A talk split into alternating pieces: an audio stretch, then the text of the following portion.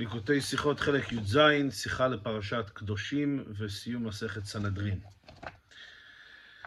בביאור החילוק בין האזהרה לא תגנוב שבפרשתנו לאזהרה לא תגנוב שבעשרת הדיברות, איתה בגמרא, ובא בפירוש רש"י על אתר, שבפרשתנו דיבר הכתוב בגונב ממון, ואילו לא תגנוב דעשרת הדיברות, מה יראי בגונב נפשות. כן, הגמרא אומרת, מה ההבדל בין האיסור בעשרת הדיברות לא תגנוב, והאיסור שמופיע בפרשת קדושים לא תגנובו. אומרת הגמרא שהאיסור בעשרת הדיברות זה גונב נפשות, ואילו האיסור בפרשתנו זה גונב ממון. בנוגע לאיסור גנבת ממון אמרו רז"ל, כל הגונב הרי זה כאילו עובד עבודת כוכבים. ביודענו גודל הדיוק בתכלית ללשון רז"ל, מובן שבאומרם אודות עבירות מסוימות שעובר עליהם כאילו עובד עבודת כוכבים וכיוצא בזה, אין כוונתם רק להביע את חומר העבירה, שהיא כעבירה החמורה ביותר, עובד עבודת כוכבים, אלא להשמיענו שבעצם העבירה קיים דמיון מסוים לעבודה זרה. אז חז"ל אומרים שגניבה היא דומה לעבודת כוכבים. כל הגונב הרי זה כאילו עובד עבודת כוכבים. בפשטות, יש כאן דבר ראשון להבהיר את חומר העבירה, שהעבירה של גניבה היא כל כך חמורה שזה דומה לעבודת כוכבים. אבל אומר הרב, זה לא יכול להיות רק העניין הזה, אנחנו יודעים שחז"ל מדייקים בכל דבריהם, אז אם חז"ל אומרים לנו שכל הגונב, הרי זה כאילו עובד עבודת כוכבים, זאת אומרת שיש איזשהו דמיון וקשר מיוחד בין איסור גניבה לאיסור של עבודה זרה. עכשיו מוסיף הרבה כאן עוד פרט מעניין, ועוד זאת. לאמיתו של דבר, לכל העבירות יש שייכות לעבודה זרה, כמו שאומר רבינו הזקן בתניא בארוחה, שלא יהיה לך כולל כל שעשה מצוות לא תעשה, כיוון שעל ידי כל עבירה שאדם עובר על רצון העליון, הוא מתנתק בשעת מעשה מאלוקות, כמו על ידי חטא עבודה זרה. אומר הרב, האמת היא שבעצם כל חטא הוא כמו עבודה זרה, כפי שאלתרבה מביא בתניא, שלא יהיה לך אלוקים אחרים, זה כולל את כל מצוות לא תעשה שבתורה, והוא מסביר למה. מכיוון שכל מצוות לא תעשה שאדם עובר, הוא בעצם נפרד מאחדותו של הקדוש ברוך הוא במידה מסוימת, ממש כמו בעבודה זרה, ולכן כל חטא הוא בעצם סוג של עבודה זרה. ואם כן, אז זה אומר שבעצם כל האיסור לא תעשה הוא, מעין עבודה זרה. אז מה עם הדברים שהגמרא מדגישה שזה כאילו עובד עבודה זרה?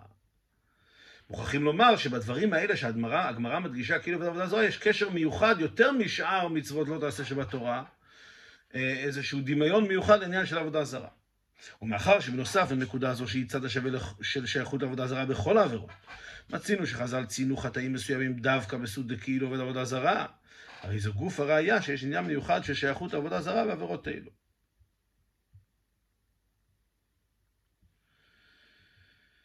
אם כן, אמ, אז מכאן עוד ראייה, אז הרב אומר בעצם שני פרטים. דבר ראשון, עצם העובדה שחז"ל מדמים את זה לעבודה זרה, ואנחנו יודעים את גודל הדיוק בדברי חז"ל, זה כבר אומר שיש קשר מיוחד לעניין של עבודה זרה, ולא רק עצם חומרת העבירה. דבר נוסף, מכיוון שכל העבירות הן בעצם דומים לעבודה זרה בעניין עיקרי, שזה הפירוד מאחדותו של הקדוש ברוך הוא, אז כאשר אומרים על עבירות מסוימות שהן דומות לעבודה זרה, זה אומר שיש קשר נוסף, איזשהו משהו מיוחד, שמחבר בין העבירה הזאת לעניין של עבודה זרה. וצריך להבין, הלא גניבה היא מצוות שבין אדם לחברו, ואם כן, באיזה עניין היא דומה לעבודה זרה. לכאורה דווקא גניבה זה עבירה שלא דומה לעבודה זרה, מכיוון שעבודה זרה זה עיקר העניין עיקר הניתוק בין אדם למקום. אה, לעומת זאת, גניבה זה עבירה עיקרית בעבירות שבין אדם לחברו, שזה בעצם שני עולמות שונים. אז למה דווקא גניבה היא דומה לעבודה זרה? אומר הרב ויובן על פי ביור העניין המופיע בסיום מסכת סנהדרין לגבי חומר מיוחד שמצינו בגניבה.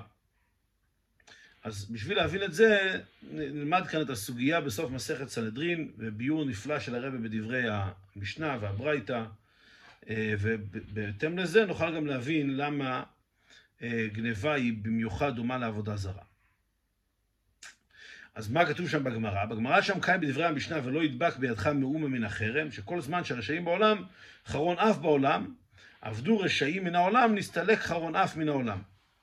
אז הגמרא שם עוסקת בדין המשנה, המשניות שם עוסקות בדין אה, אה, עיר הנידחת, ואז בהמשך לזה המשנה אומרת, ולא ידבק בידך מאומה מן החרם, שהתורה אוסרת לקחת איזשהו דבר מעיר הנידחת, אמ, ואז כתוב למען אה, הקדוש ברוך הוא ישוב מחרון אפו. אז אומרת המשנה, כל זמן שהרשעים בעולם, חרון אף בעולם. אבל עבדו, רש... עבדו רשעים מן העולם, מסתלק חרון אף מן העולם. ממשיכה על כך הגמרא, ונאמר על כך בגמרא, מן רשעים, אומר רב יוסף, גנבי. גנבים זה הרשעים שעליהם אומרת המשנה שכל זמן שהרשעים בעולם, חרון אף בעולם. אז אם כן, המשנה דנה בדיני עיר הנידחת, שאסור לקחת מן החרם, ובפסוק נאמר שלא ידבק בידך מאומה מן החרם ואז למען ישוב השם בחרון אפו. עומדת מזנה המשנה שכל זמן שהרשעים בעולם יש חרון אף בעולם. מה הם הרשעים? שואלת הגמרא.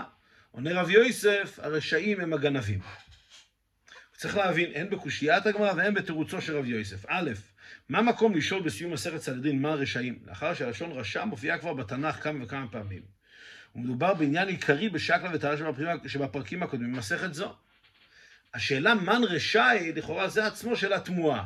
הרי גם התורה בתנ"ך מופיע כמה פעמים המושג רשע, וגם הגמרא בעצמה עסקה כבר בדיני רשע. אה, במסכת סנהדרין גופה, בדיני עדות ובעוד עניינים. אז מה פתאום בסוף המסכת הגמרא שואלת מן, מן רישי, או מן רשוי?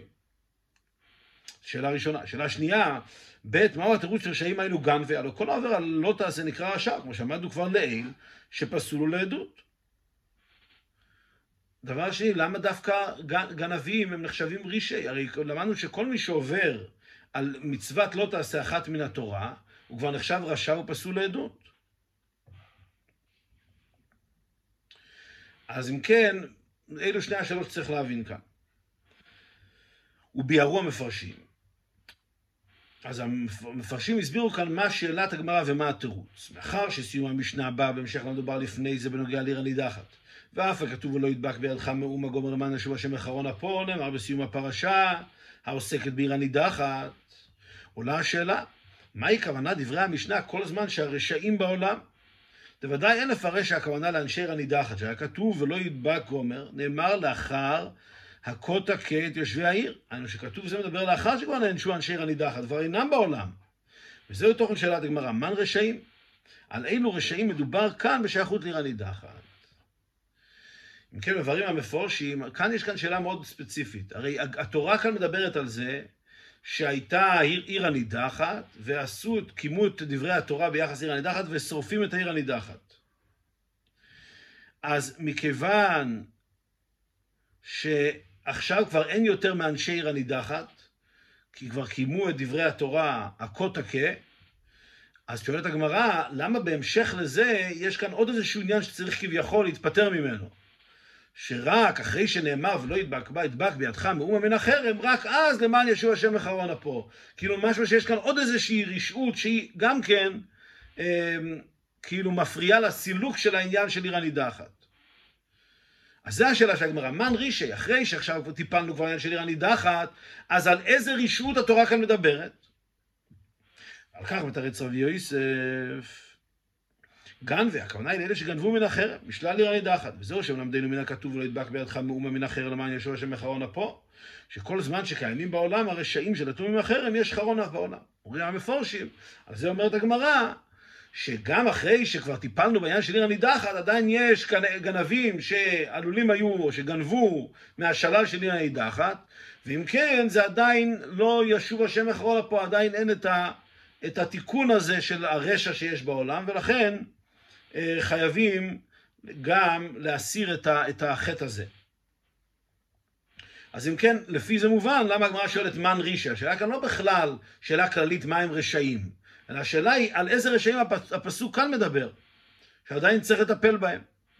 והתירוץ הוא גן, והכוונה היא אותם אלה שגנבו מאותה עיר הנידחת. אבל על פי זה צריך להבין למה נקט רבי יוסף הלשון גן, והיה לו הרגשת הרשעות כאן אינה בחטא הגנבה סתם, אלא בכך שנטלו מחרם עיר הנידחת. ואם כן היה לו לנקוט לשון המדגישה את עיקר החטא, ועוד אלה שלקחו מן החרם, או על דרך לשון הכתוב, ידבק בידך מן החרם. שואל הרב, אם ככה, אז מה כאן עיקר החטא שעליו הגמרא מדברת?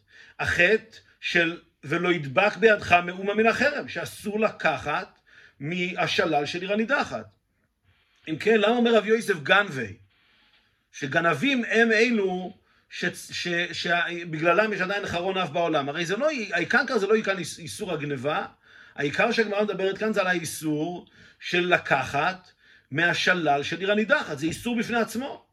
אז התירוץ היה צריך להיות אלה שנטלו מן החרם, שהם אלו שעליהם הפסוק אומר שעדיין יש חרון אף בעולם, וצריך שגם הדבר הזה יתבטל מן העולם. שאלה חזקה מאוד בפשט הגמרא. לפי דברי המפורשים, שכל השאלה של הגמרא כאן, מען רשועים, זה מי נשאר אחרי שטיפלנו כבר בעניין של עיר הנידחת. אז מי עדיין נשאר כאן? איזה עוד רשעות עדיין נשארה שצריך להסיר אותה מן העולם?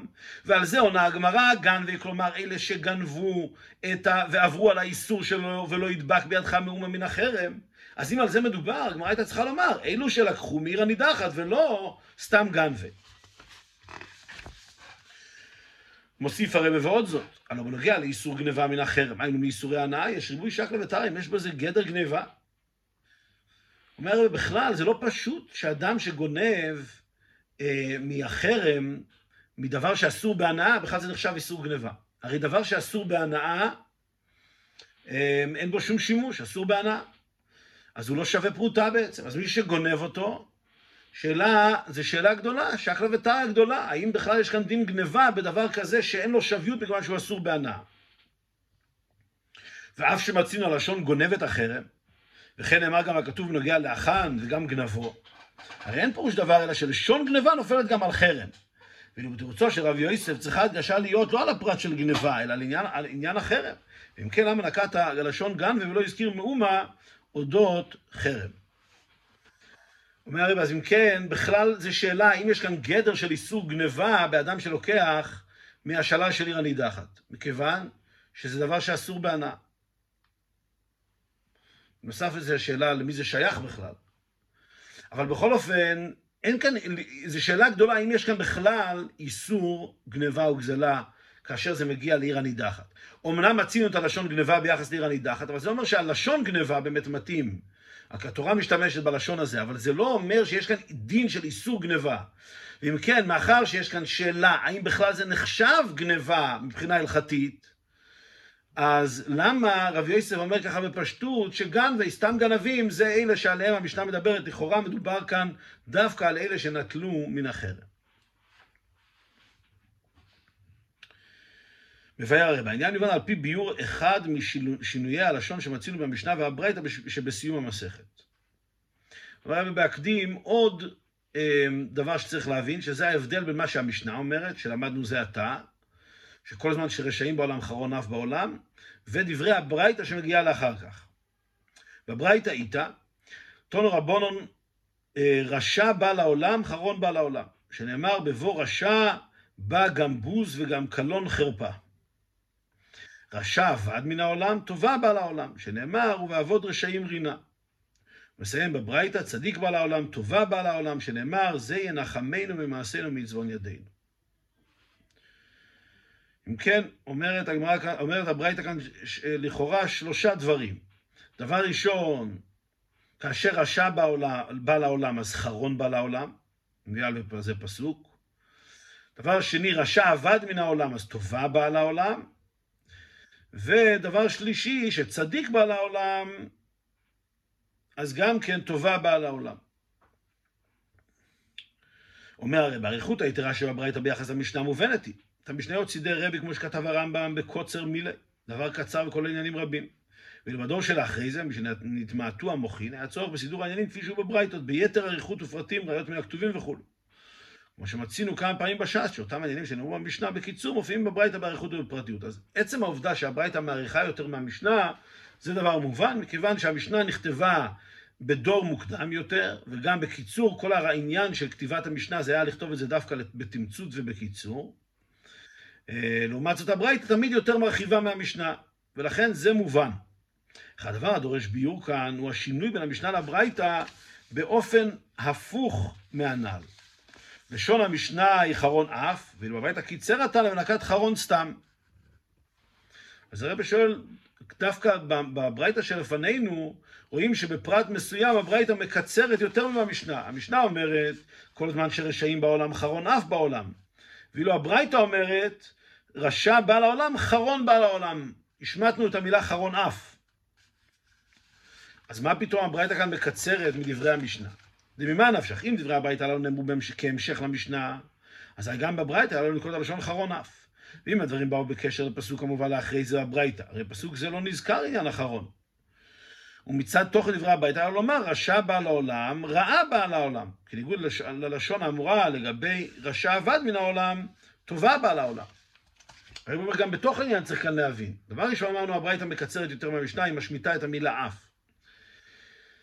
אבל יתרה מזו, אומר הרב, אם הברייתא באה בהמשך למשנה, היא מיוסדת על המשנה ורק מרחיבה את זה, אז ודאי שהייתה צריכה לנקוט את אותו לשון שהמשנה נוקטת, חרון אף בא לעולם. אם נגיד שהברייתא אומרת משהו אחר, והיא מבוססת על הפסוק שמבואה שם, שבבוא רשע בא גם בוז וכולו, אז כאן בכלל לא מוזכר חרון. ומכיוון שלא מוזכר אחרון, דווקא מלשון הברייתא היה הרבה יותר מסתבר להגיד רעה באה לעולם. כפי שאנחנו רואים, שבהמשך הגמרא מדברת על ה... מה קורה כאשר רשע אבד מן העולם, טובה באה לעולם. מה קורה כאשר צדיק בא לעולם, טובה באה לעולם. אז מה ההפך מטובה? רעה. אז למה הברייתא דווקא משתמשת בלשון חרון מצד אחד, ומצד שני משמיטה את המילה אף, וקוראת רק חרון בלי חרון אף. אז זה בעצם השאלה כאן על ההבדל בין דברי הברייתא לדברי המשנה. מבאר הרבה, והביאור בזה. יש חילוק תוכני בין המשנה לברייתא. המשנה עוסקת בעיר הנידחת. ומילא גם בסיום המשנה ולא ידבק בידך מאומה מן החרם, שכל זמן שהשנים בעולם אחרון אף בעולם. הכוונה היא לחטא עיר הנידחת, שהוא החטא החמור ביותר עבודה זרה. ולכן הלשון במשנה היא חרון אף בעולם, כי את הביטוי חרון אף מצינו בשייכות עבודה זרה, כמו שכתב הרמב"ם. אומר רבי ההבדל הוא, המשנה עוסקת דווקא בחטא עבודה זרה. הרי המשנה באה בהמשך לעניין של עיר הנידחת, שעל זה נאמר למען ישוע השם מחרון אפו, ואנחנו יודעים שחרון אף זה לשון שנאמר ביחס לעבודה זרה.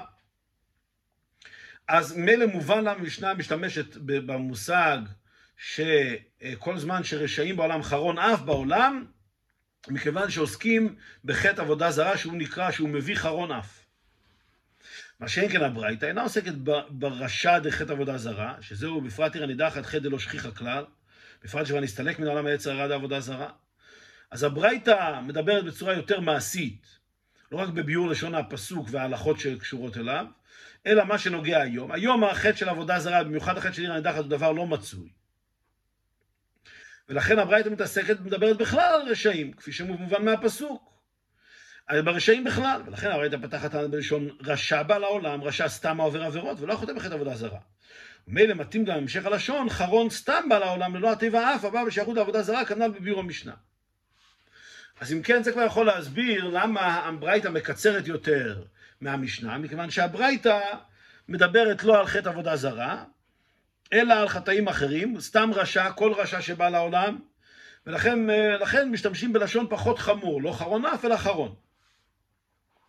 אבל עדיין יש תוכן משותף למשנה ולברייתא. במשנה נאמר שכל זמן שהרשעים בעולם חרון אף בעולם, לכן הוא גם הברייתא שמכוון בדבריה רשע בא לעולם חרון בא לעולם, היינו שהחרון מגיע, הוא בא עם הרשע, הוא שכל זמן שיש רשע יש חרון, עד לזמן שבו רשע אבד מן העולם.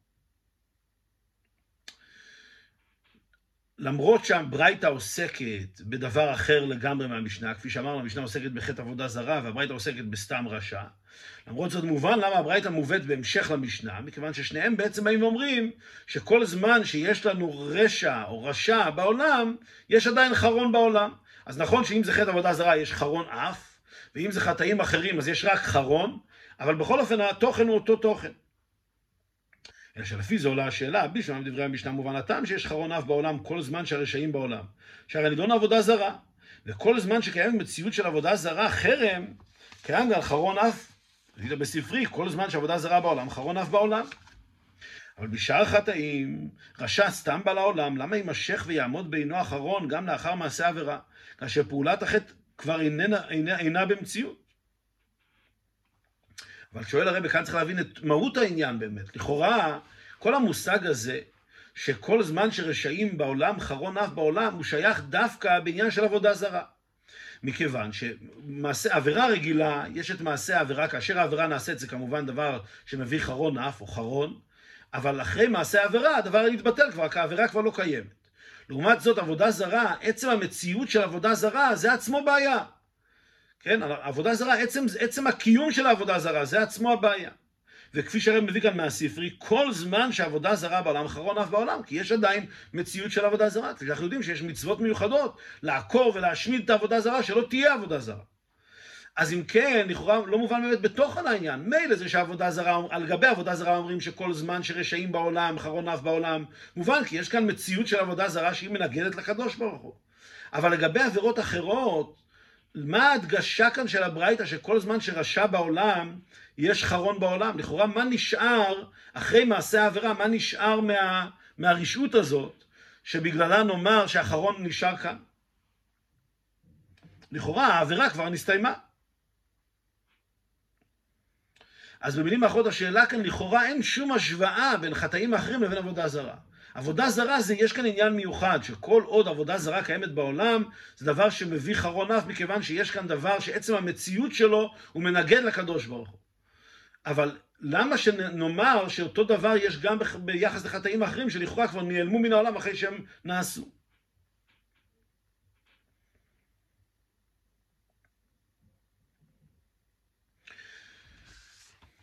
אז מבאר הרבה,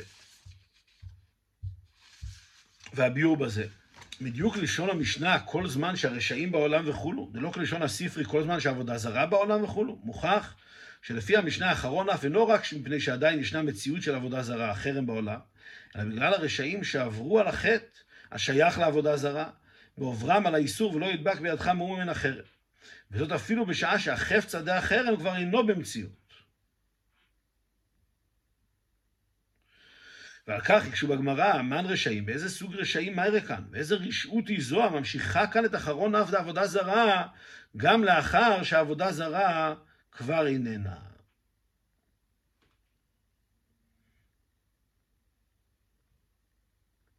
מבאר הרי בכך, בשונה ממה שביארו המפרשים את השאלה ואת התירוץ של הגמרא, מסביר את זה באופן קצת שונה.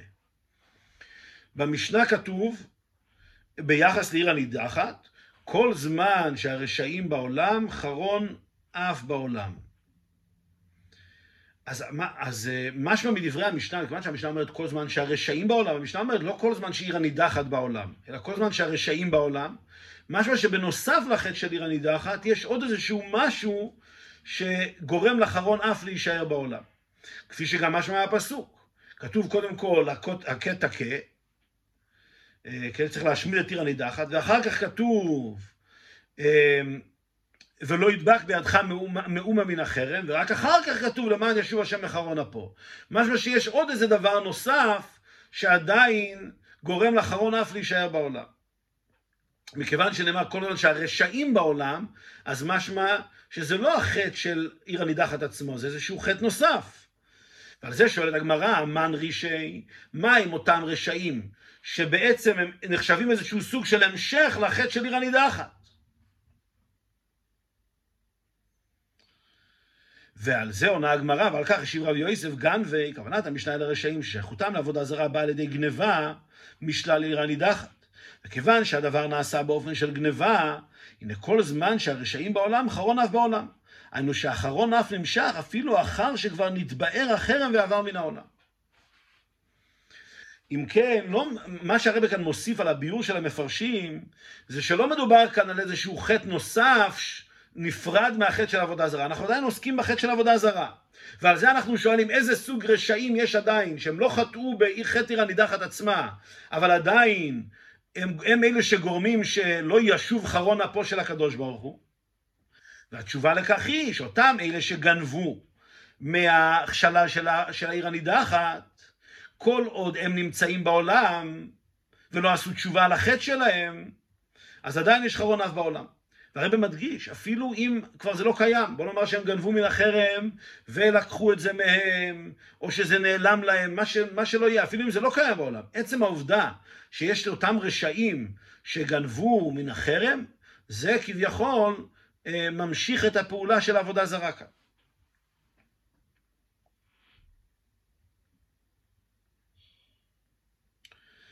לכן המשנה, המשנה מדגישה כל זמן שרשעים בעולם, מדובר פה על הרשעים, לא כל זמן שיש את השאריות של העיר הנידחת, אלא כל זמן שאותם רשעים שגנבו מעיר הנידחת, משללה של עיר הנידחת עדיין בעולם, אז עדיין קיים החטא הזה של עיר הנידחת, עדיין קיים החטא הזה של עבודה זרה. מה הפירוש? מביא הרב כאן ביור נפלא, הסבר הדברים. איסור גניבה וגזלה יש בו חומר מיוחד בהיותו פעולה נמשכת בכל רגע שאין האדם משיב את הגניבה והגזלה, הוא עובר על לא תגנוב ולא תגזול. אומר הרבי, יש חומר מיוחד באיסור של גניבה וגזלה, שזה לא איסור שעוברים עליו באופן חד פעמי, אלא זה איסור נמשך. אדם גזל משהו מחברו, או גנב משהו מחברו, כל רגע שהוא מחזיק בגזלה או בגניבה, והוא עדיין לא החזיר את הגזלה לבעליה, הוא עובר על איסור לא תגנובו ולא תגזול.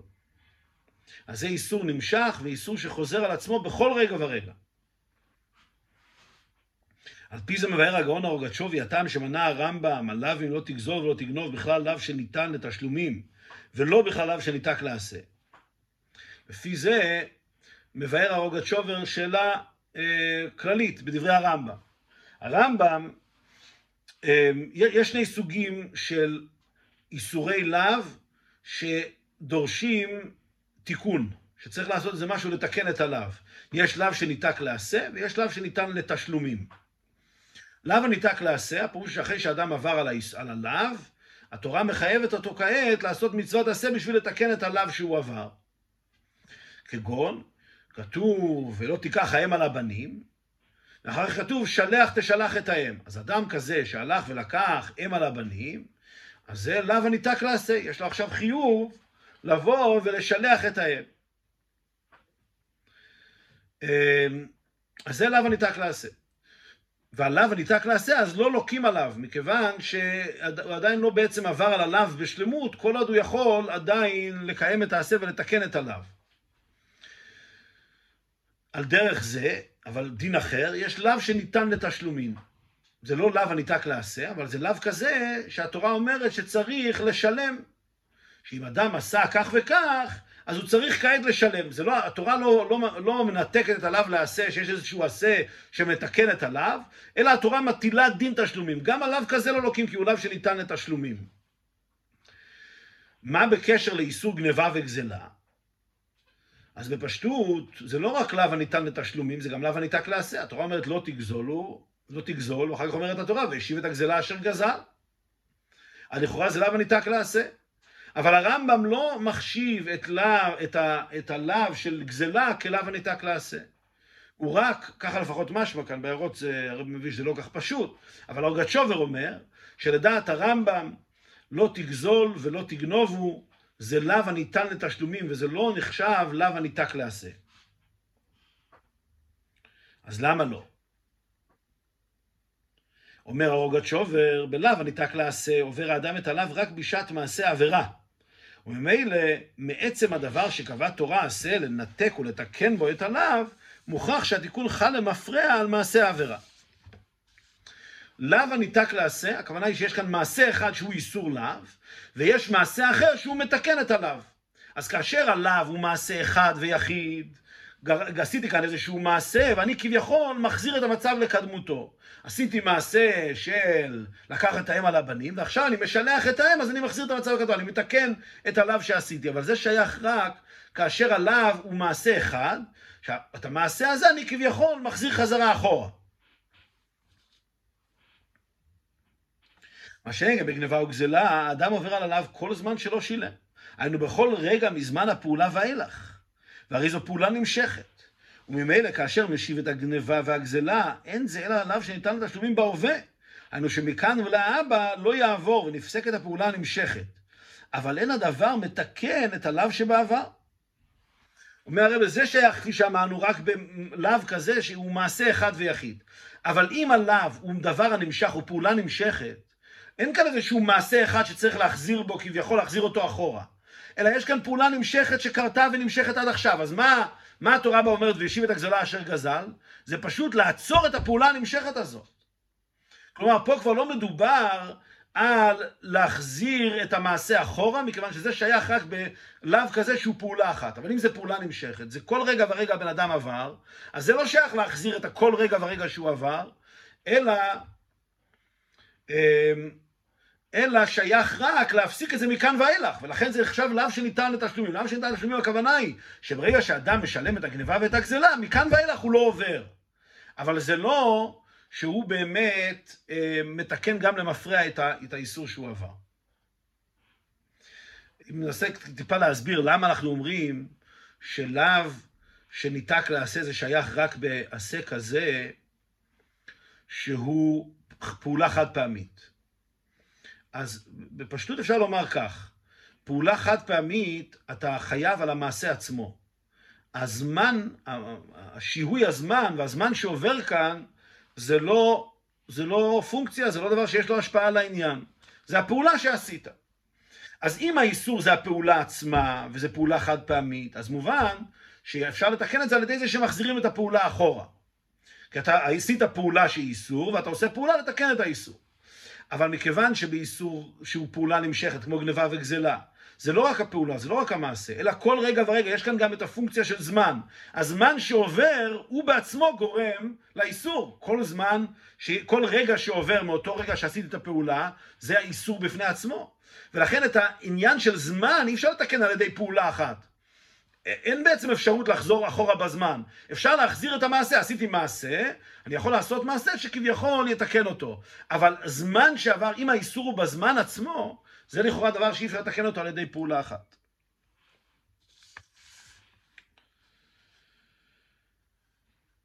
אז אם כן, בכל אופן מובן, לפי דברי הרוגצ'ובר, למה אה, אכן לאו עליו שלא תגנובו ועליו שלא תגזול, זה לאו הניתן לתשלומים וזה לא לאו הניתק לעשה, מכיוון שכאן התפקיד של, ה... של העשה זה רק מכאן ואילך, זה לגרום שהאיסור לא יימשך, אבל זה לא, אין לו את היכולת גם לתקן את מה שנעשה בעבר. שלפי, אפשר גם לומר בצורה טכנית, להסביר את החילוק בין אה, לאו איסור שהוא פעולה נמשכת לבין איסור שהוא חד פעמי. אפשר לומר פשוט, שאיסור כזה שהוא פעולה נמשכת, אז כאשר התורה אומרת והשיב את הגזלה אשר גזל, אז אין לך בו אלא חידושו. אתה לא יכול להגיד שהוא עושה כאן שני דברים. הוא גם אה, עוצר את, ה, את האיסור שנמשך, והוא גם מתקן את מה שנעשה כבר בעבר. התורה אומרת והשיב את הגזלה, הכוונה היא שמכאן ואילך לא יעבור על איסור גזלה. אז הוא יכול לעשות פה דבר אחד, הוא לא יכול לעשות שני דברים. החידוש של התורה, שיש כאן איזשהו תיקון ללאו, התורה אומרת שאפשר לתקן את הלאו, אבל אם, אם הלאו הזה הוא לאו הנמשך, אז זה אומר מכאן ואילך. מהי תייסים, איפה תוכיח עכשיו שזה גם מבטל את הפעולה שנעשתה עד עכשיו. לעומת זאת, דבר שהוא לא לאו הנמשך, והתורה אומרת ביחס לזה, אמ, שיש כאן מצוות עשה, אז מובן שמצוות עשה יכולה לתקן גם את אה, מה שנעשה. בכל אופן, מכל הנ"ל מובן שיש איסור מיוחד בגניבה, חומרה מיוחדת בגניבה וגזלה, שזה פעולה נמשכת, אמ, והאדם עובר על האיסור הזה בכל רגע שהגניבה נמצאת אצלו. ובכל רגע שהוא לא קיים את המצוות עשה והשיב את הגזלה, והוא לא תיקן את החטא שלו. על פי זה מובן החידוש בנידון דידן, מאחר שגניבה היא פעולה נמשכת, ובכל רגע עובר הגנב לא תגנובו, כל הזמן שלא שילם, תשל... שילם תשלומים, נמצא שגם בשעה שחרם עיר הנידחת איננו, עדיין נמשכת אצל הגנבי הרשעות של פעולת הגניבה, שהרי לא רצינו שהמשך הפעולה הוא רק עד לשרפת החרם. ומאחר שהרשעות היא פעולה נמשכת בגנבת החרם של עיר הנידחת עבודה זרה, הרי כל זמן שהרשעים בעולם, היינו שעדיין לא עשו תשובה על גנבת העבודה זרה, גם אחרון אף דעבודה זרה נמשך בעולם. אומר הרב, כעת נבין מה החטא המיוחד שהגמרא מדברת עליו. מובן שכל זמן שיש עבודה זרה בעולם, אז ודאי שיש חרון אף בעולם, כי עדיין קיים העבודה זרה. אבל בוא נאמר שכבר אין עבודה זרה בעולם. אבל מה יש כן? יש אדם שהוא גנב משהו מן החרם, והוא עדיין לא שילם את זה חזרה. אפילו אם העבודה זרה כבר לא קיימת. יכול להיות אפילו שמה שהוא גנב כבר לא קיים. אבל בפועל הוא לא שילם עדיין את מה שהוא גנב. אז מה יש כאן? יש כאן את איסור גזלה, שזה איסור נמשך, אבל זה לא סתם איסור גניבה או גזלה, אלא זה איסור גניבה או גזלה, הוא קיים כאן, כאשר הוא גנב, הוא גנב כאן משהו של עבודה זרה. אז הוא בעצם יצר איזושהי המשכיות לחטא של עבודה זרה.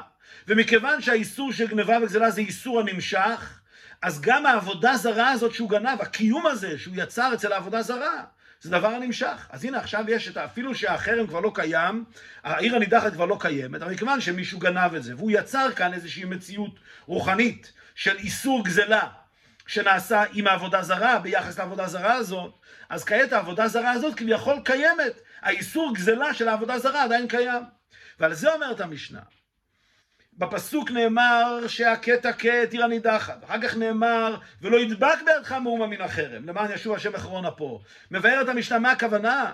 אם אדם לקח משהו מן החרם, אז כעת המציאות הזאת של החרם, של העבודה זרה, היא כביכול נמשכת בעולם, באותו איסור גזלה, שהוא איסור שהולך ונמשך בכל רגע ורגע, אז המציאות של העבודה זרה כביכול נמשכת בכל רגע ורגע.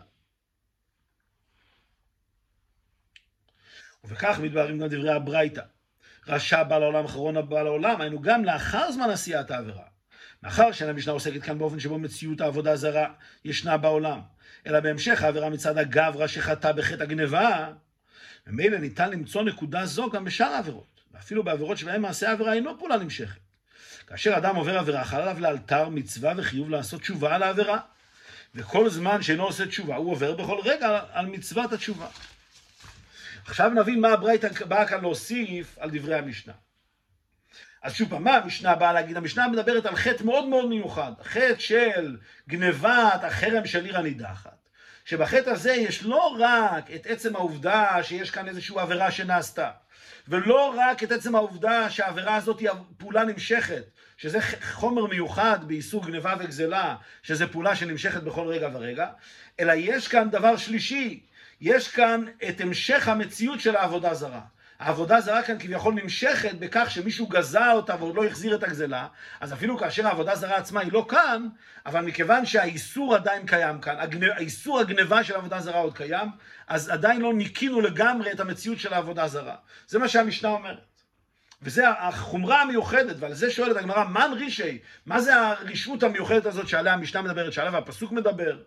ואז אומרת התשובה, הכוונה היא לאותם גנבים שגנבו את החרם, מכיוון שזה גניבה, איסור גניבה, זה איסור כזה שהוא הולך ונמשך, אז גם, גם נחשב שהחרם הוא דבר שהולך ונמשך. על זה מוסיפה הברייתא דבר חדש, שבעצם הדבר הזה שהמציאות של העבירה היא הולכת ונמשכת, קיים במידה מסוימת בכל איסור. למה? לכאורה כל איסור אחר, אדם עבר על איסור, לכאורה הוא עבר, נגמר האיסור, אז כבר הדבר הזה אין לו המשך. אומרת הברייתא, יש כאן כן המשך. למה? כי ברגע שאדם עבר איסור, יש עליו מיד חיוב מן התורה לעשות תשובה. יש מצוות עשה לעשות תשובה. אה, יש גם, יש גם בזה דיון באחרונים, אבל בוא נאמר באופן הכי, אה, הכי חזק, אה, הכוונה היא שיש מצוות עשה לעשות תשובה, ברגע שאדם עובר עבירה, מיד חל עליו חיוב לעשות תשובה מן התורה. ואם הוא לא עושה תשובה, אז הוא מבטל את המצוות עשה מן התורה לעשות תשובה. אז גם כאן יש איזושהי המשוכיות לחטא. כל עוד הוא לא עושה תשובה זה כמו הגזלן, במידה מסוימת זה כמו הגזלן שלא השיב את הגזלה. הוא אה, עבר עבירה והוא לא השיב את נשמתו, הוא לא עשה תשובה. אז הוא עובר בכל רגע ורגע מצד התשובה.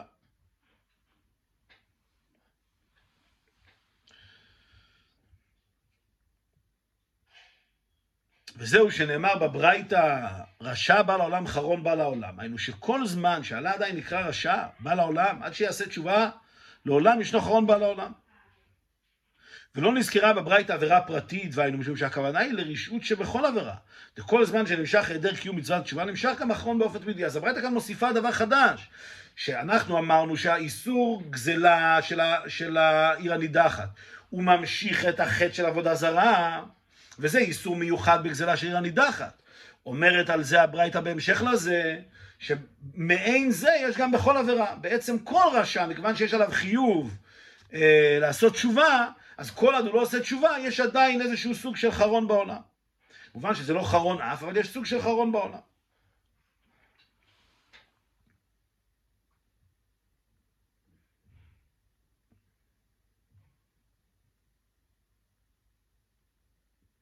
ועל פי הביאור הנ"ל, מובן גם הטעם שחטא גניבה דומה לחטא עבודה זרה יותר משאר עבירות. כשם שמצאנו בעבודה זרה שאפילו לאחר מעשה החטא. הדבר עדיין גורם חרון אף בעולם, ובלשון הספרי, כל זמן שעבודה זרה בעולם חרון אף בעולם, היינו שכל זמן שישנה מציאות של עבודה זרה בעולם, נמשך באופן תמידי חרון אף בעולם. כן הוא גם בחטא הגניבה, מאחר שהוא פעולה נמשכת, הרי כל זמן שאין הגנב עושה תשובה עליו, הוא ממשיך את חרונו של הקדוש ברוך הוא באופן תמידי בעולם. אם כן מובן עכשיו, למה הגמרא אומרת דווקא ביחס לחטא של גניבה וגזלה, שזה כאילו עובד, שזה מעין עבודה זרה? מכיוון שבזה באמת החטא של גניבה וגזלה הוא דומה מאוד לחטא של עבודה זרה.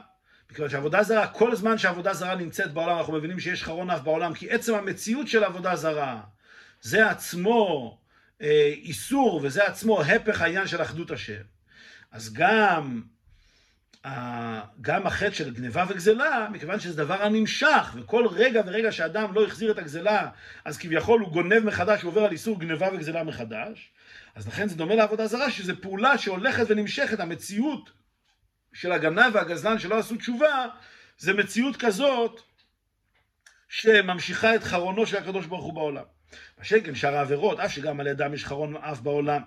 וגם להם יש שייכות ודמיון לחטא עבודה זרה. הרי בהם המשך החרון אינו מצד העבירה גופה, אלא משום שהאדם נמנע מקיום מצוות התשובה, שלא בגניבה, שהעבירה גופה היא פעולה נמשכת כאן. נכון אמנם שגם בשאר העבירות יש משהו דומה, כפי שכעת הוסבר, שבכל עבירה יש מיד חיוב מצווה לעשות תשובה, ולכן יש כאן המשכיות של העבירה בכך שאדם לא עושה תשובה, אבל זה כמובן לא דומה לאיסור של גניבה וגזלה. כי כאן ההמשכיות זה רק מכך שמוטל עליו חיוב לעשות תשובה והוא לא מקיים את החיוב. אבל מעשה העבירה עצמו זה דבר שנגמר. לעומת זאת, גניבה וגזלה, גם מעשה העבירה עצמו זה דבר שנמשך כל עוד הגנב והגזלן לא שילם. אז אם כן, הדברים כעת מובנים היטב, מובן כל המשך דברי הגמרא, מובן ההבדל בין המשנה לבין הגמרא, לבין הברייתא, והכל ברור. אלא שיש עוד פרט אחד נוסף, אומר הרב, אבל עדיין אינו מובן. א', או כמה פרטים, יותר מדויק. א', למה נקט רב יוסף גנבי ולא גזלוני? או גנבי וגזלון, נגיד הפעולה נמשכת ישנו בין בגנבה ובין בגזלה. אז שאלה ראשונה, למה דווקא גנבי? מה עם הגזלנים? למה, למה אותם לא מזכירים בתור אלה שממשיכים את הפעולה של עבודה זרה? ב', בנימה לשון הברייתא, חרון בעל העולם ולא רעה בעל העולם, שהוא הפך מטובה בעל העולם, אמור לגבי צדיק בעל העולם. שאלה ששאלנו כבר לפני כן, למה אנחנו אומרים דווקא חרון ולא רעה בעל העולם, שזה לכאורה יותר מתאים עם לשון הברייתא? ג', הרי חרון חמור יותר מרעה סתם, ומאיזה טעם גורמות העבירות לא רק רעה, אלא יותר מכך, חרון.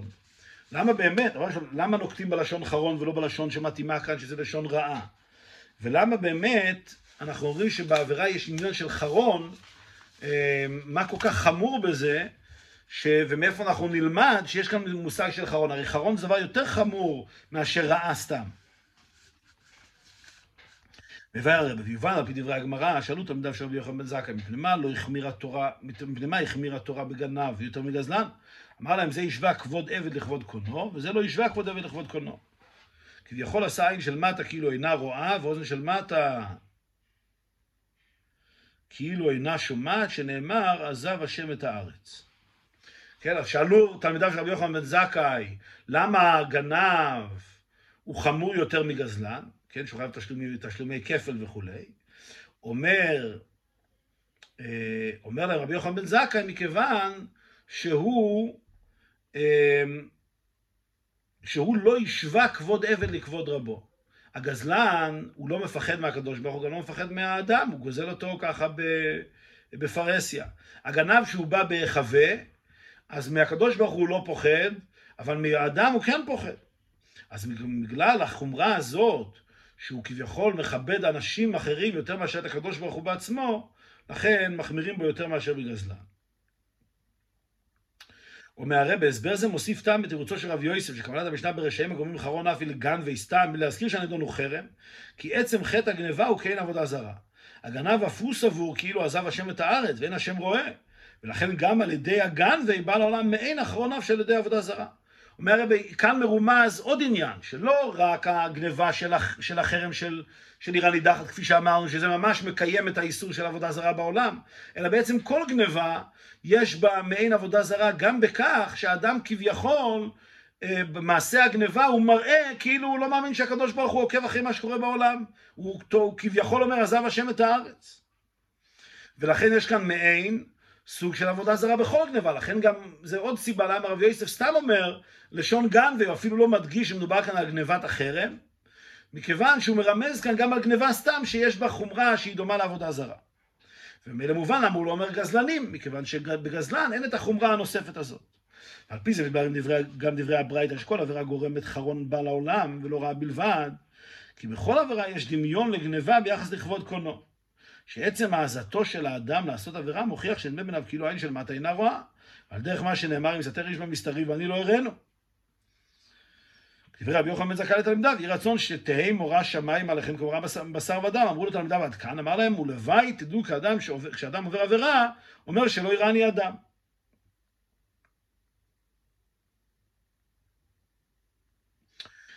עכשיו נבין גם מה אומרת הברייתא בהמשך לדברי המשנה. אחרי שהמשנה אמרה שכל זמן שיש גנבים בעולם, יש חרון אף בעולם, למה? בגלל החומרה המיוחדת בגניבה, שאדם כביכול אומר עזב השם את הארץ, הוא כביכול לא מתייחס לכך שהקדוש ברוך הוא רואה במעשיו. אז על זה מוסיפה הברייתא אומרת, נכון שזה באופן מיוחד בחטא של גניבה. כי אדם הוא בא ומתחבא מאחרים, אבל הוא לא מתחבא מהקדוש ברוך.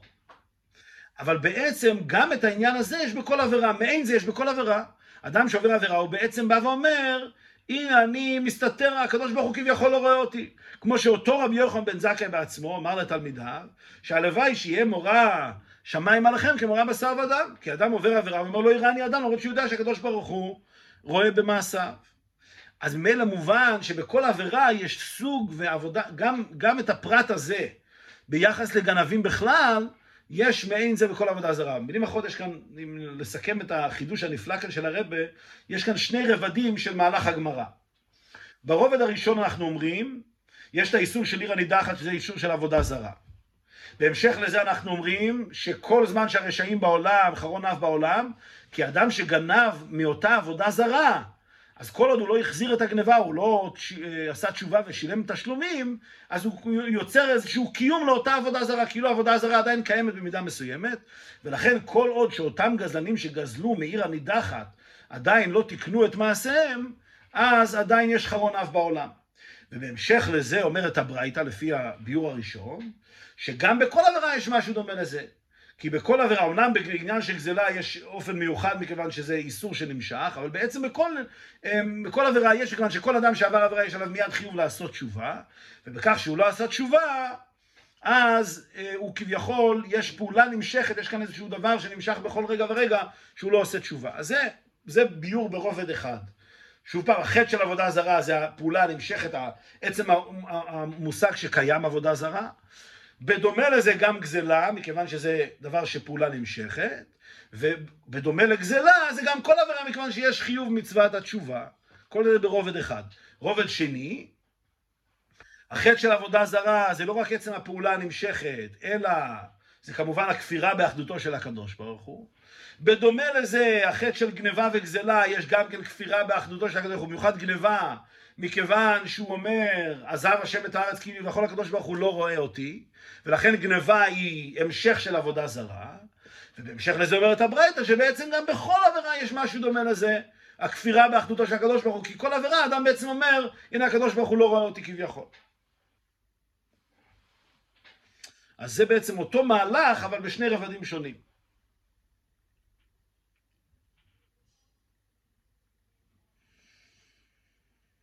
ומילא מובן הטעם שאמרו בברייתא שהעונש הבא על העבירה דרשע בה הוא חרון, כי זוהי מידה כנגד מידה. קדשת כתוב שהובא שם, בבוא רשע גם בוז וגם קלון חרפה.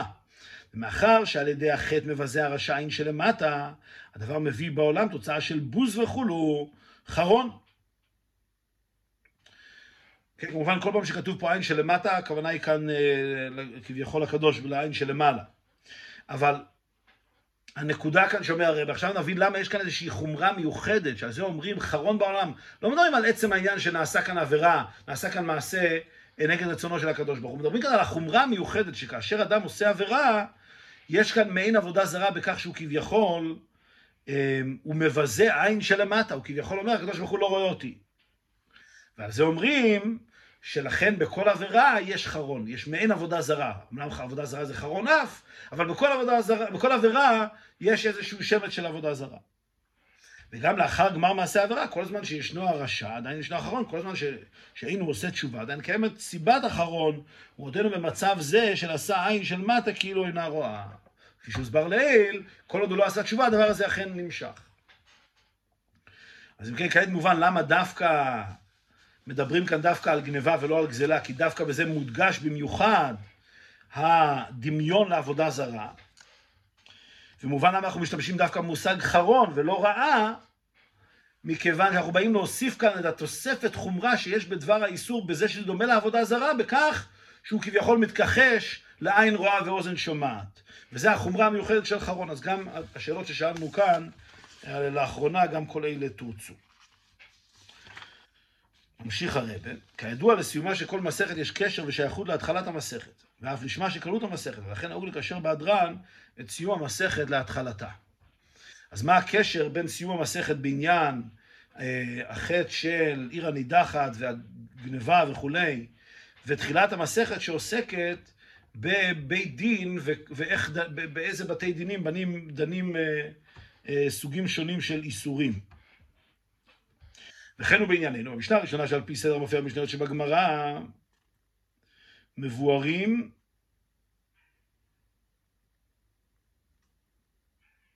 מבוארים פרטי הדינים של בית דין וסנהדרין, החל מדיני ממונות בשלושה ועד לסנהדרין גדולה של שבעים ואחת. אז המשנה הראשונה עוסקת בסוגי הבתי דינים השונים, וכל בית דין באיזה עניינים הוא דן. ואף על פי שכל בית דין, שלושה חולו, עשרים ושלושה, שבעים ואחד, דן בסוג הדינים המיוחד לו, בכל מקום משתווים כולם בכך שהתוכן והתכלית הכלליים של כל בתי הדין אינם רק לדון את החוטא ולהענישו, כדי לקיים וביארת הרע מקרבך, לסלק את מציאות הרע והחטא, ולמען ישמעו ויראו וגומר, אלא להבטיח שמלכתחילה לא יהיה מקום לרע ולחטא. אז עוסקים בעניין של בתי דינים, שבתי הדינים כמובן שעניינם זה גם להעניש ולסלק את החטא מן העולם ולדאוג שלמען ישמעו וייראו, אבל בעצם התפקיד של הבית דין הוא יותר קדום ויותר אה, אה, חשוב אולי, שזה למנוע שיהיה בכלל מצב של עבירה לכתחילה. כדאית בתנא דברי אליהו, בתנא דברי אליהו רבה, שמתפקידם של סנהדרין 71 לקשור חבלים של ברזל במותניהם ולהגביה בגדיהם למעלה מארכובותיהם ויחזרו בכל העיירות ישראל, בכל מקומות ישראל, וילמדו את ישראל וכו'. התפקיד של בית זה לא רק לבוא ולטפל ולהעניש את החוטאים ואת הגנבים וכולי, אלא אה, לבוא לפני כן, לפני עוד שיש איסור, ולנסוע ממקום למקום וללמד את בני ישראל איך להתנהג. לכאורה דבר תמוה, אנשי הסנדלים היו מופלגים בחוכמת התורה, בעלי דעה מרובה וכולו, מקומם היה בלשכת הגזית, כל זמן שאינם שם להם דין סנדלין גדולה. אם כן, איך ייתכן לדרוש מהם שיקשרו חבלים של ברזל במותניהם ולהגביה בגדיהם למען מעקבותיהם? מה להנהגה כזו אצל מופלגים בחוכמת התורה, בעלי דעה מרובה? בפרט כשעליהם לעזוב לשבר לשכת הגזית. וכל זאת כדי ללמד ולשמור מחטא יהודי הנמצא באיזה מקומן בעיירות ישראל. מה ההדגשה הזאת, מה שאומר לנו אתונות ואליאור? שהסנהדרין הגדולה צריכים לעזוב את לשכת הגזית, שהרי דין סנהדרין זה דווקא כשנמצאים שם. שיצאו מלשכת הגזית ויקשרו חבלים של ברזל וילכו לחפש ולמנוע מיהודי לעבור על עבירה, ללמד אותו איך הוא צריך להתנהג. איך זה מתאים עם הדרגה הנעלית והמיוחדת של אנשי הסנהדרין. שהם צריכים לעזוב ולהיות כביכול, להוציא את עצמם מגדר סנהדרין וללכת למנוע מיהודי לעבור עבירה.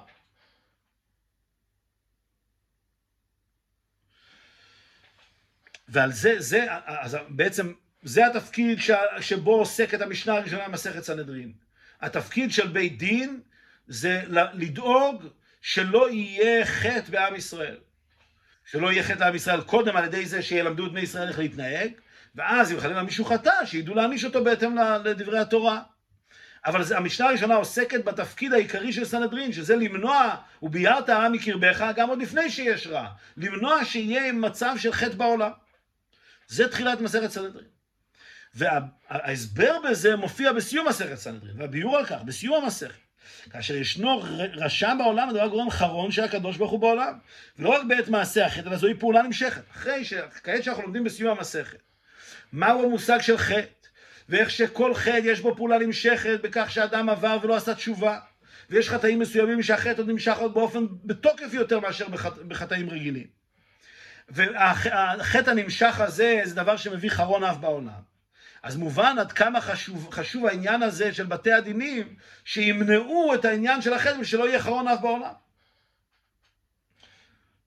פעולה נמשכת, לא רק כהתפשטות תמידית בזמן, אלא אף באופן של התפשטות במקום. האחרון הוא בא לעולם, אומר הרב כאן עוד, עוד דיוק.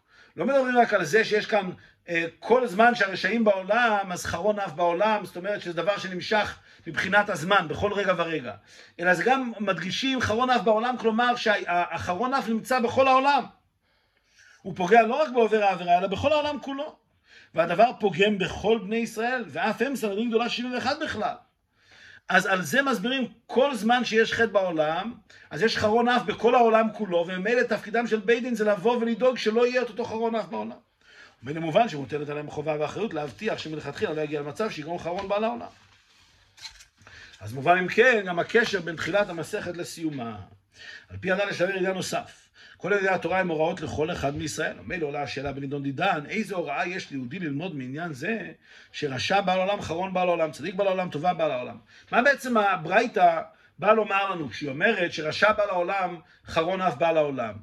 זה לכאורה דבר שהוא לא כך בשליטתנו, איזה מין הוראה, איזה, איזה, איזה אה, הלכה כאן, הוראה, ברייתא באה לומר לנו. קשה לומר שהדברים נאמרו רק כדי ללמוד מכאן את חומר החטא, שהעבירה גורמת חרונו של מקום. ומאידך ללמד שמעשים טובים מביאים תורה ושכר. בתורה שבכתב בציוויים מצוות התורה כבר מבואר ומודגש לרוב השכר על המצוות והעונש על העבירה וכולו. כולל ההודעה הכללית עם חוקתי תלכו גומר ונתתי גשמיכם בעיתם גומר שלום בארץ גומר. אז לא אילו באנו כאן להדגיש רק את המושג של חשיבות ההישמרות מהחטא והגודל הזכות של קיום המצוות, זה הרי כל התורה מלאים בדברים אלו, גם בשכר של המצוות, בחשיבות של המצוות ובנזק של העבירות. אז משמע שיש כאן דבר נוסף, לא רק את חומרת העבירות וחשיבות המצוות, אלא הברייתא כאן באה ללמד אותנו עוד איזושהי הוראה, המושג הזה של טובה בעל העולם וחרון אף בעל העולם. אך על פי ההסבר האמור מתחדשת הוראה נפלאה מעניין זה. יהודי שנכשל בעבירה רחמנא ליצלן, או לחשוב, ודאי שהיה לעשות תשובה. ואחרי יעשה תשובה, אבל לשם החיפזון בדבר. ובאומרו זאת, דוחה את התשובה לשעה אחרת, ובינתיים מניח לעצמו לעסוק בעניינים אחרים, בפרט אם מדובר בעניינים טובים. אומר הרב, הברייתא הזאת באה לדבר על הדחיפות של העניין. אדם יכול לחשוב, לבוא ולומר, נכון שחטאתי ועשיתי עבירה, ואני צריך לעשות תשובה, אבל בסדר, נעשה תשובה בהזדמנות. עכשיו יש לי הרבה דברים טובים להתעסק בהם, אני אתעסק בהם. בעזרת השם, יבוא יום ונעשה תשובה. אבל מהי הדחיפות? אין דחיפות כל כך גדולה. אני מבין שצריך לתקן את החטא. כי החטא הוא דבר חמור, כפי שכתוב בכל התורה כולה, אבל מי אמר שאני צריך לעשות את זה כרגע? לכן גם בצד הטוב, יש מי שהחליט לעשות דבר טוב מצווה, אכן הוא ממהר לעשותו, בינתיים פונה לעשות בענייני הרשות כולו. אותו דבר בעניינים של מצווה. למה אני חייב כרגע לעשות, אני אעשה בזה, אני מבין את החשיבות של מצווה, ואני אעשה את המצווה לכשיגיע הזמן, אבל כרגע זה לא דחוף להרגע. ועל כן באה הגמרא להזהיר ולמד, יהודי שהנהגה כזו אסורה, כיוון שכל זמן שאינו עושה תשובה, האחרון ישנו תמיד בעולם. אז זה מה שהברייתא כאן מדגישה, מה שלמדנו מהמושג של עיר הנידחת. ומה שכתוב ולא ידבק בידך מרום אל החרם למען ישוב השם אחרון אפו שההדגשה היא לומר שכל עוד יש את הרשעים בעולם אז יש מציאות של רוע בעולם ויש חרון אף בעולם אז אמנם הפסוק אומר את זה ביחס לעיר הנידחת, והמשנה אומרת את זה ביחס לגזלה מעיר הנידחת, באה ברייתא ואומרת, אבל תדעו שבעצם בכל עבירה, בכל מצווה, יש את אותו מושג, שכל עוד הדבר הוא לא נעשה, יש עניין של חרון אף בעולם. על דרך זה בעשיית הטוב, שהרי צדיק האמור כאן אינו פירוש אמיתית שבתואר צדיק דווקא, אלא הצדיק בשם המושל, שעל ידה הוא מביא לא רק טובה לעצמו, אלא לכל העולם באופן שפעולה נמשכת. אז כמו שבחלק השלילי אנחנו אומרים, כל עוד אדם עשה עבירה ולא עשה תשובה, אז יש חרון אף בעולם, אז גם ביחס לצדיק, שהכוונה כאן לאדם שעושה מצוות, שעושה את הדברים שהוא צריך לעשות אותם. אז כשם שברעה אנחנו אומרים שכל עוד הדבר הזה לא תוקן, אז יש חרון אף בעולם, כך בטובה, שהאדם שעושה מצווה, אז גם הוא פועל על כל העולם כולו, וגם הוא פועל פעולה כזאת שהיא הולכת ונמשכת. כאשר התבונן האדם בכך שבו תלויה פעולה כה גדולה ונפלאה, שיוקדם ברגע אחד סילוק אחרון מן העולם, ותוקדם ברגע אחד ביד הטובה לעולם מאת הקדוש ברוך הוא. כאשר אדם יתבונן בדברי המשנה, שבכל רגע ורגע שהוא לא תיקן משהו, יש חרון אף בעולם. ובכל רגע ורגע שהוא לא עשה את הדבר הטוב שביכולתו לעשות, אז חסר כאן איזשהו דבר שהולך ונמשך בכל העולם כולו, איזשהו דבר טוב שהולך ונמשך בכל העולם כולו. בהכרח שהדבר יעוררו ויזעזעו, וזה יסייע בידו להקדים ככל האפשר את הבאת החלטתו הטובה לידי פועל ממש, זה עצמו יגרום לו התעוררות גדולה לעשות כל שביכולתו להביא את זה לידי פועל ממש, ולהביא על ידי זה תכף ומיד טובה לעולם.